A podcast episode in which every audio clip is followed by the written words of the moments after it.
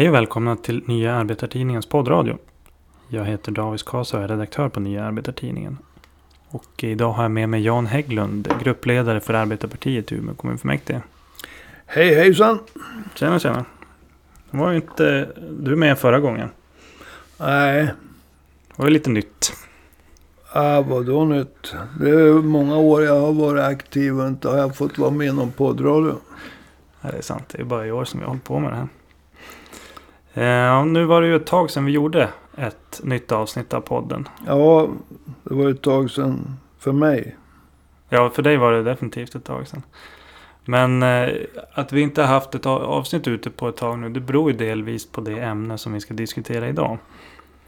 Men jag vill passa på att säga till dig som lyssnar att eh, vi kommer att sända ett avsnitt i veckan varje lördag framledes. Det har varit lite inkörningsproblem här under hösten. Och vi, vi ber om ursäkt för det.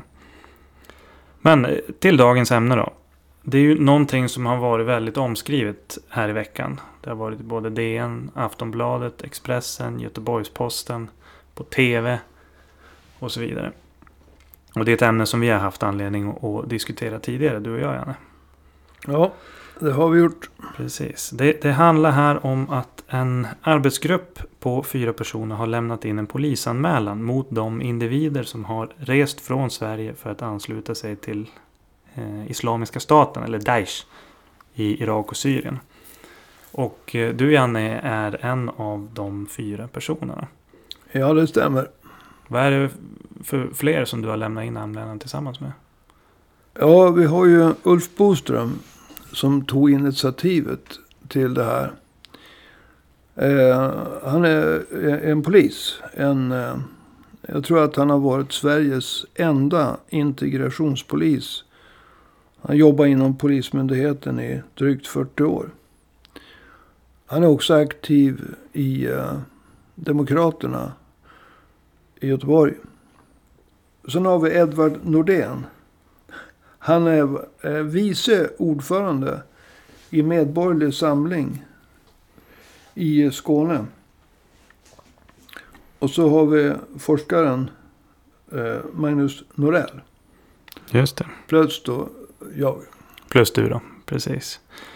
Och eh, om vi börjar med att ge lite bakgrund. Va? Alltså, Säpo har ju dokumenterat ungefär 300 individer som har rest från Sverige och anslutit sig till IS, eller Daesh, och andra terrorgrupper i Syrien och Irak. Av de här 300 så är det ungefär hälften som har återvänt till Sverige. Och ett eh, 50-tal har dödats i strid. Och Sverige är, om jag inte minns fel, det land i EU näst efter Belgien som har haft flest medborgare sett till befolkningens storlek. Eh, som har rest för att ansluta sig till IS och liknande grupper. Hur många av dem som har eh, återvänt är det egentligen som är dömda för sina brott? Ja, I Sverige då? det är ju inga som är dömda för att de har anslutit sig till IS. Eller till någon annan terrorgrupp. Just därför. År 2013 så var det ett, eh, en, en, en knarkspaning. Som gav resultatet att polisen tittade igenom mobiltelefoner och annat. Och där upptäckte man, eller det var en, det var en sån här sticka som man brukar ha in i datorerna. Mm. Och där så upptäckte man då att eh, personerna fotograferade sig i samband med halshuggningar. Men det var ju alltså inte för att man sökte terrorister utan man sökte, om jag inte minns fel, eh, det var ett knarktillslag. Mm. Va? Men Jag alltså det finns inga som har eh, gripits, ställts inför rätta i sin egenskap av att man har varit terrorist. Man har anslutit sig till exempel till Islamiska staten Daesh, Mm. Al-Qaida, Al-Nusra-fronten. Och sen kommer tillbaka.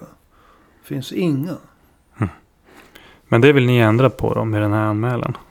Vad, vad är skälen bakom det? Ja, alltså du menar skälen förutom Ja, allmän eh, känsla för vad som är rätt och fel. precis, precis. Ja, alltså. jag var tvungen att, att säga det därför att alla människor känner ju att det kan ju inte vara så här. Men om man ska försöka gå upp i ringen med jurister, ovilliga jurister speciellt, politiker, ovilliga politiker speciellt, så måste man ha eh, en speciell, eh, så att säga, speci specificerade målsättningar. Och för det första, alltså offren. Det har ju kommit oerhört många människor till Sverige under flyktingvågorna. Och som det är idag så finns det väldigt många människor. Den nya tidens överlevare. Mm. Som kommer från av IS kontrollerat område. Och Sverige hade ju den politiken att alla som kom från Syrien fick uppehållstillstånd. Eller de fick i alla fall rätt att söka asyl. Jag tror alla fick det 2013 framåt. Ja. Alltså du menar uppehållstillstånd? Ja. ja. Och då kom det ju väldigt, väldigt många människor från Syrien. Eh, speciellt från Syrien till Sverige. Och bland de människorna så fanns det ju både offer och förövare. Och offren, de måste få upprättelse. Och en del i att de ska få upprättelse. Det är ju att förövarna, som de idag kan träffa på offentliga platser. Kanske på torg, kanske på ICA, Konsum, Lidl. Mm. Men förövarna går fria. Så offren, en del i deras upprättelse, det är att vi i Sverige ställer förövarna inför rätta. Sen har vi det man skulle kunna högtidligt kalla för nationell säkerhet. Alltså dådet 2017 på Drottninggatan. Det är ingen som vill ha fler sådana. Där dog det fem människor. 15 skadades fysiskt. Oändligt många fler lever vidare i sorg och förtvivlan efter att ha mist anhöriga och nära vänner. Mm. Och det tredje skälet, förutom att återupprätta offren och att förebygga nya offer som på Drottninggatan. Det är ju att en demokratisk rättsstat kan inte hävda sig. Vi kan, inte påstå, vi kan inte påstå att vi lever i en demokratisk rättsstat. Om vi låter sådana här,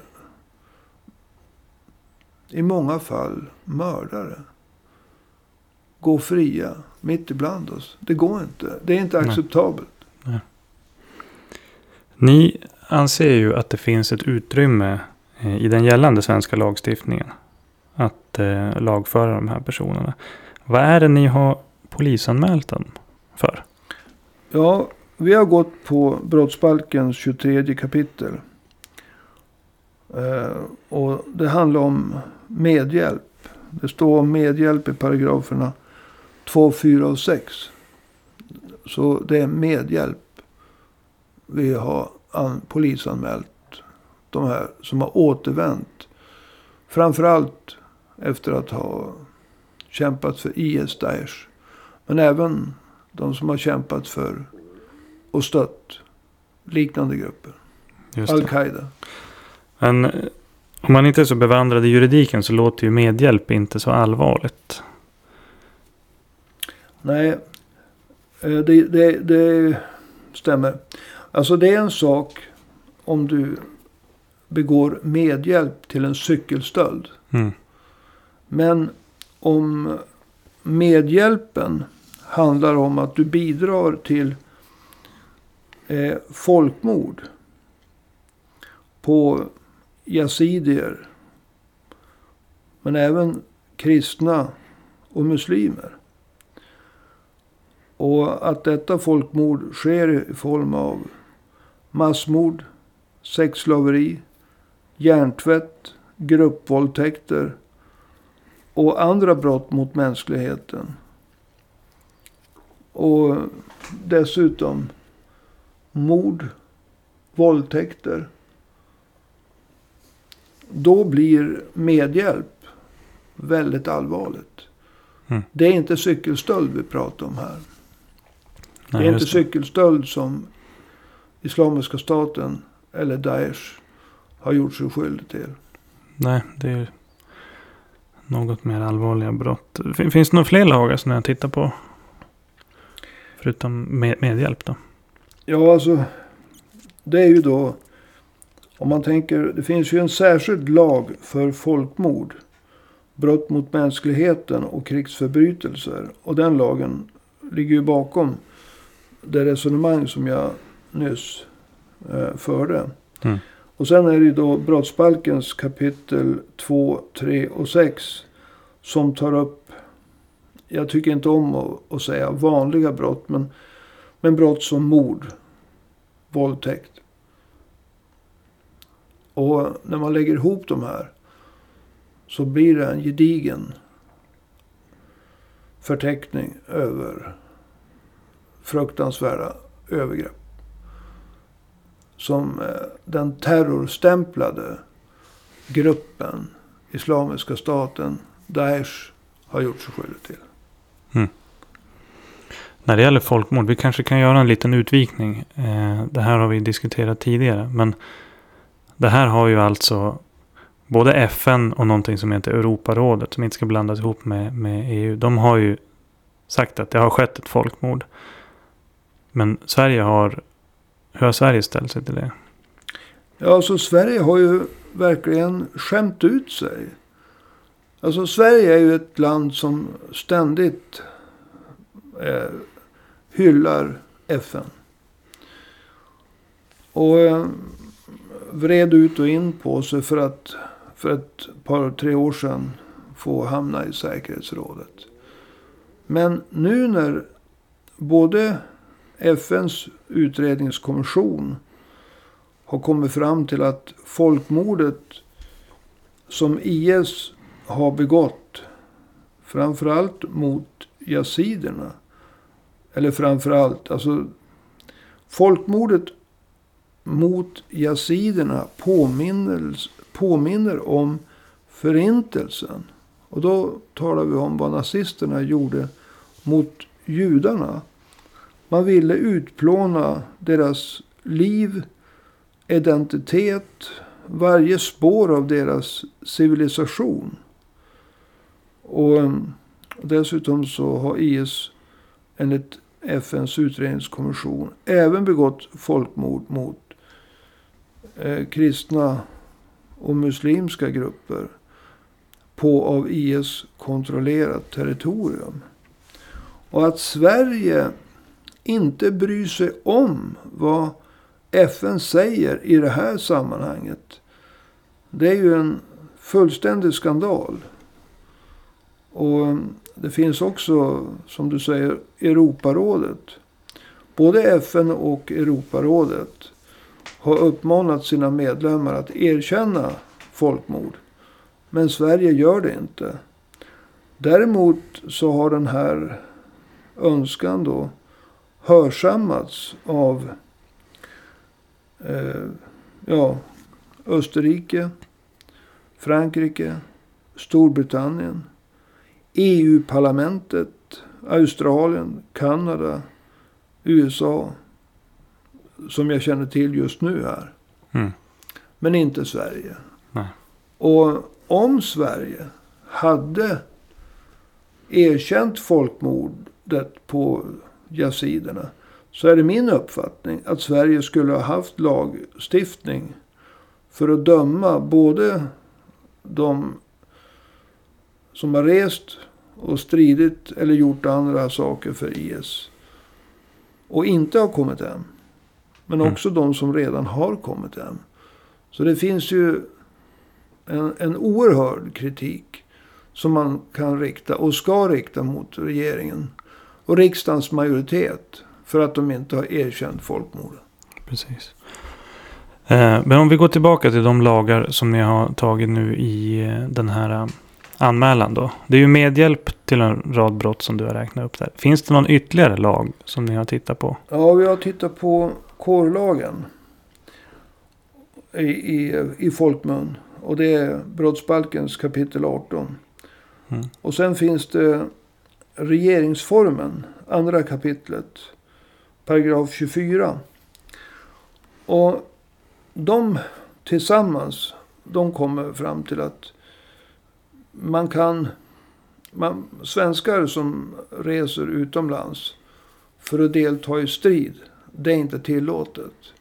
Den så kallade K-lagen instiftades redan 1934 i samband med spanska inbördeskriget. Och eh, sen har vi regeringsformen. Och det är så att föreningsrätten har en väldigt, väldigt stark ställning i Sverige. Och det är väldigt svårt att förbjuda eh, en eh, organisation. Förbjuda medlemskap i en organisation. Men om organisationen har en militär karaktär. Och om organisationen sysslar med saker som etnisk rensning och liknande. Så kan den förbjudas. Och medlemskap också. Mm. Som jag förstår det. Och Islamiska staten, eh, Daesh, den uppfyller ju varje tänkbart krav på att vara en militär organisation. Så därför så har vi tittat på de två.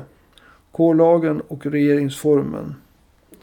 Och det är brottsbalkens kapitel 18 och det är regeringsformens andra kapitel 24 paragraf. Just det. Många jurister de talar ju om den väldiga svårigheten att bevisa vem som gjorde vad. Till exempel i Syrien för fem år sedan. Mitt under brinnande krig, etnisk rensning och så vidare. Är inte alla bevis borta? Det är ju en väldig svårighet. Och det är det som gör att vi har just använt, använt oss av en så pass låg brottsrubricering. Vårat tänkande i det här fallet, det är så här. Att om man kan placera en person tidsmässigt på det territorium i Syrien och Irak som IS kontrollerade då den här personen från Sverige var där. Så kan den personen dömas för medhjälp. Det som är Mm. omöjligt att bevisa. Det är vem höll i geväret som mejade ner motståndare, flyktingar.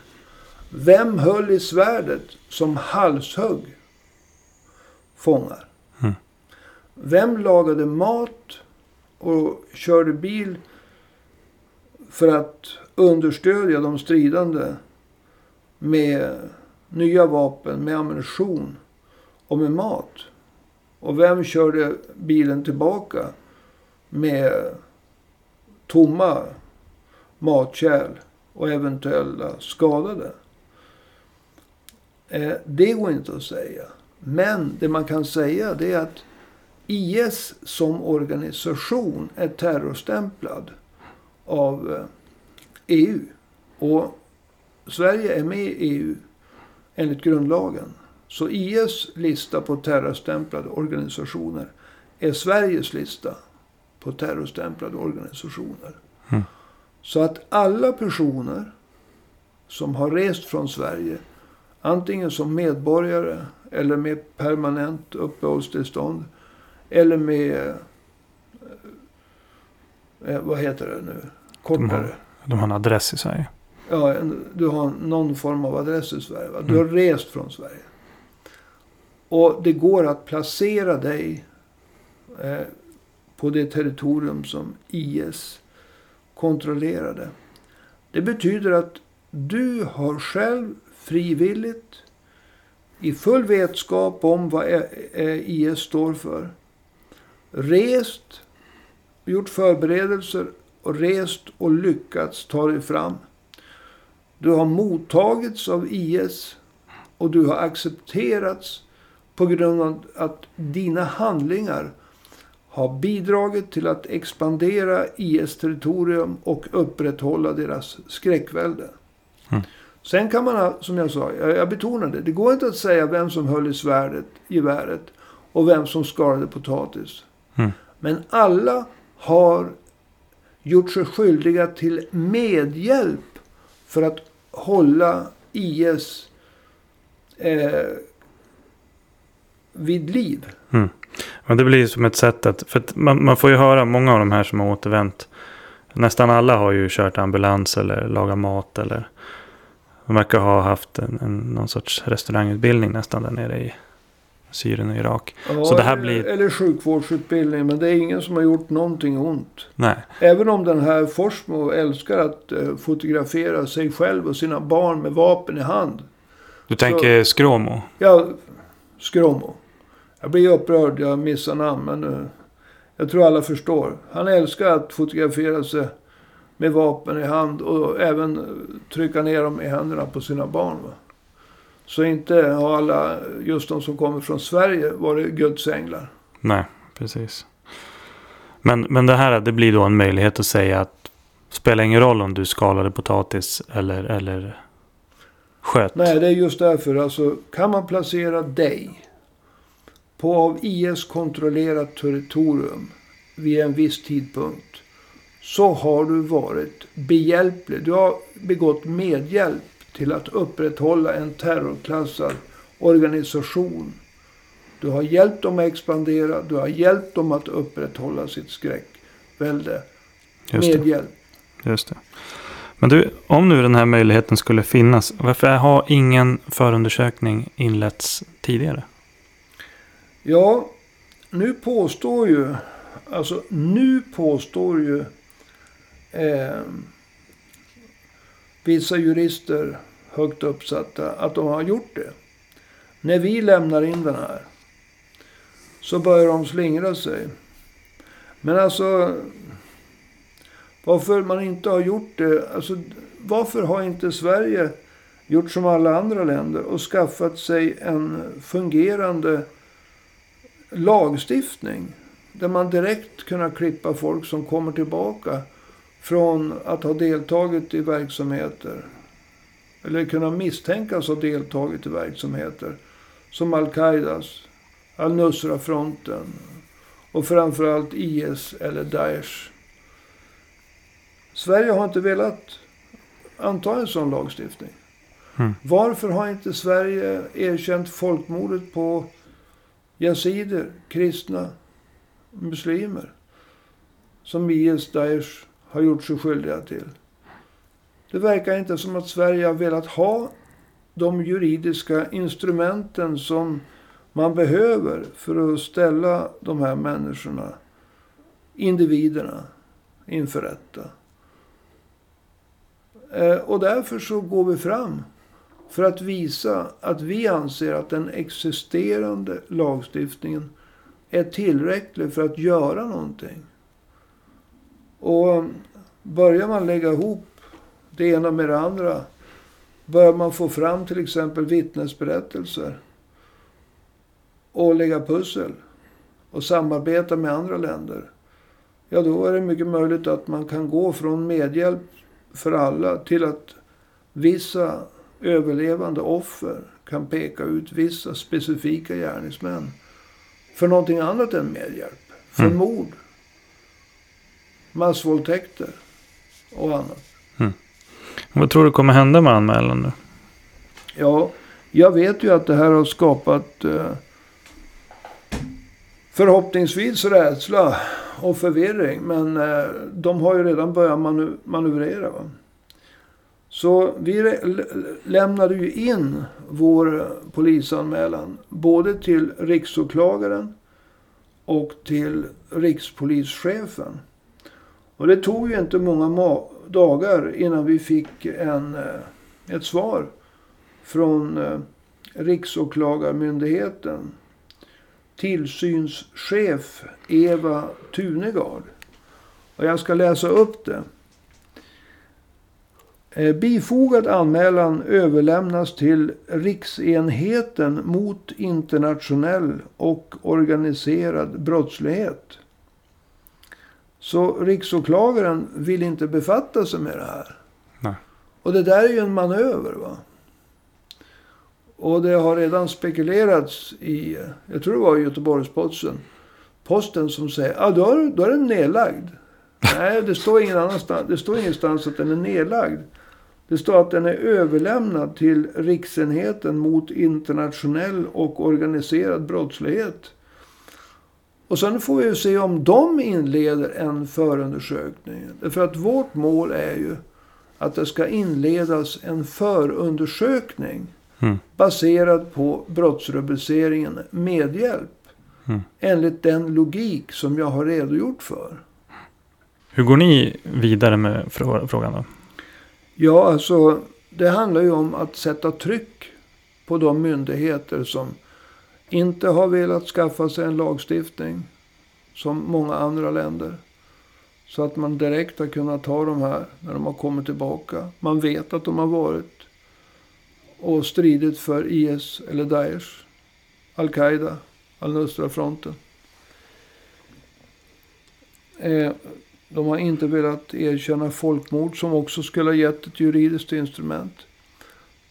Och de kommer väl troligtvis inte att vilja erkänna att det här är en väg framåt heller.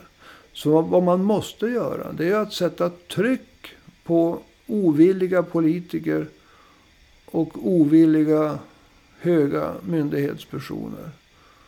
Så att alltså det finns ju ute i det svenska samhället en känsla för vad som är rätt och fel.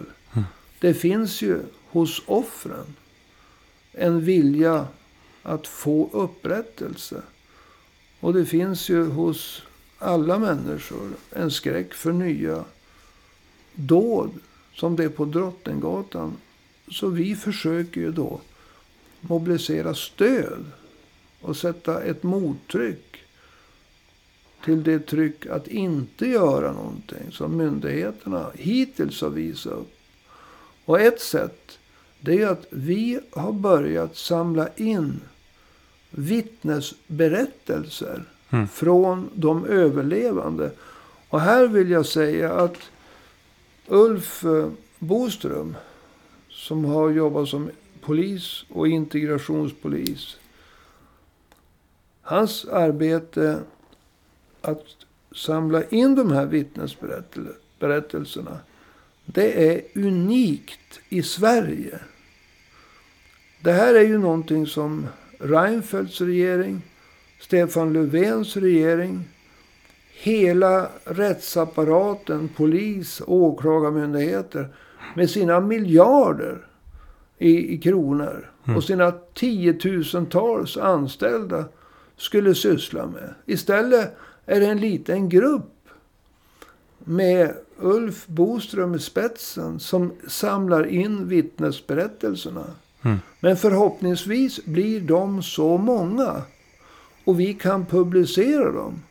Så att trycket på de ovilliga politikerna och myndighetspersonerna blir så starkt att de måste göra någonting. Hur ska ni publicera de där vittnesberättelserna?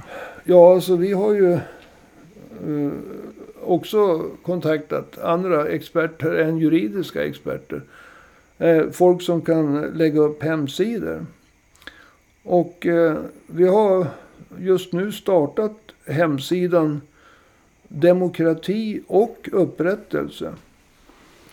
Och den når man på adress demokratiupprättelse.se. Då kan man klicka in sig. Och man kan läsa de första sex vittnesberättelserna. Mm. Dels på arabiska och dels på svenska. Just det.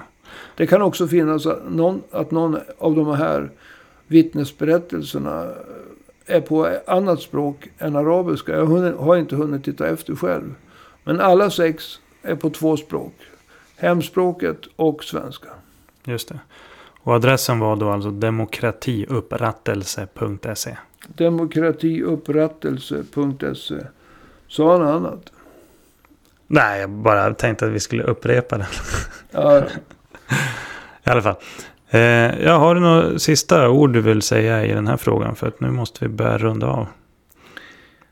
ja, det är tragiskt att konstatera att de svenska politikerna och de svenska myndigheterna av allt att döma inte har velat ha en fungerande lagstiftning mot de människor som har begått ofattbara förbrytelser i namn av IS eller Daesh, Al-Qaida, Nusrafronten och så vidare.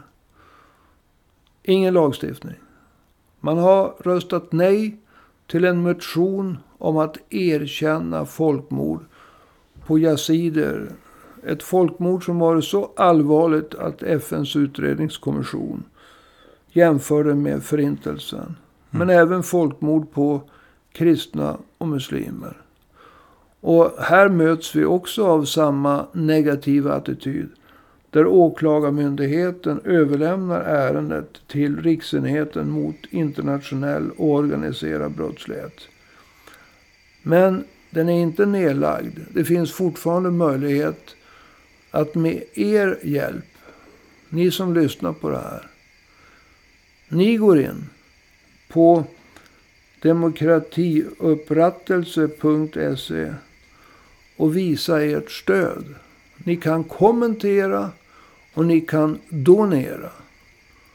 Och med kommentera, det förstår ni.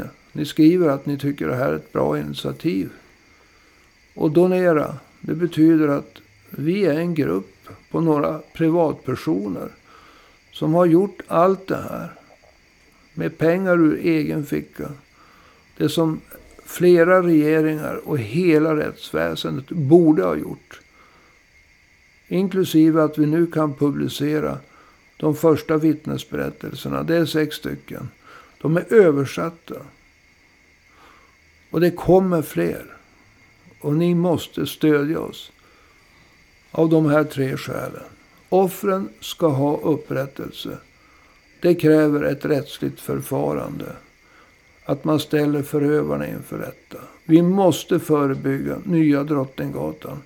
Och vi måste slå vakt om ett rättssamhälle. Och i slutändan om demokratin. Ja. Du, då får jag tacka så mycket med de slutorden då. Eh, Jan Hägglund, gruppledare för Arbetarpartiet i Umeå kommunfullmäktige och även en av dem som har lämnat in den här anmälan mot IS-anhängarna. Tack. Får jag tillägga att, att jag är väldigt stolt över att få vara med i den här arbetsgruppen. Det får du tillägga. Jag kan ju också säga att eh, understryka det som, som, som du sa då Janne. Alltså att gå in och stötta initiativet på demokratiupprättelse.se. Demokratiupprättelse.se. För att det, det är en väldig skillnad. De personer du nämner, politiker, åklagare, som är negativa. De som läser, har läst artiklarna, som har kommenterat artiklarna på nätet, de som har spridit på sociala medier. Den överväldigande attityden bland folk i gemen är ju äntligen. Alltså, så det, det, finns en väldig skillnad. Vi måste ta tillvara på känslan av äntligen någon som gör någonting. Så att, eh, tack, tack igen. Tack. För idag.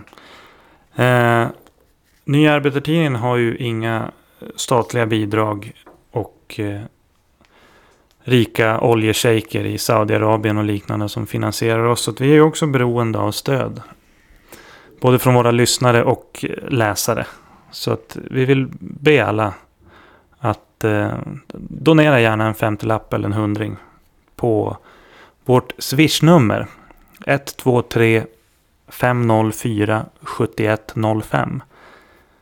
Alltså 123 504 7105. Om du tycker att vi gör en bra poddradio. Då var det allt för idag. Jag heter som sagt Davis Kasa. Du har lyssnat på Nya Arbetartidningens poddradio. Ha en trevlig helg så hörs vi igen nästa vecka. Hej då!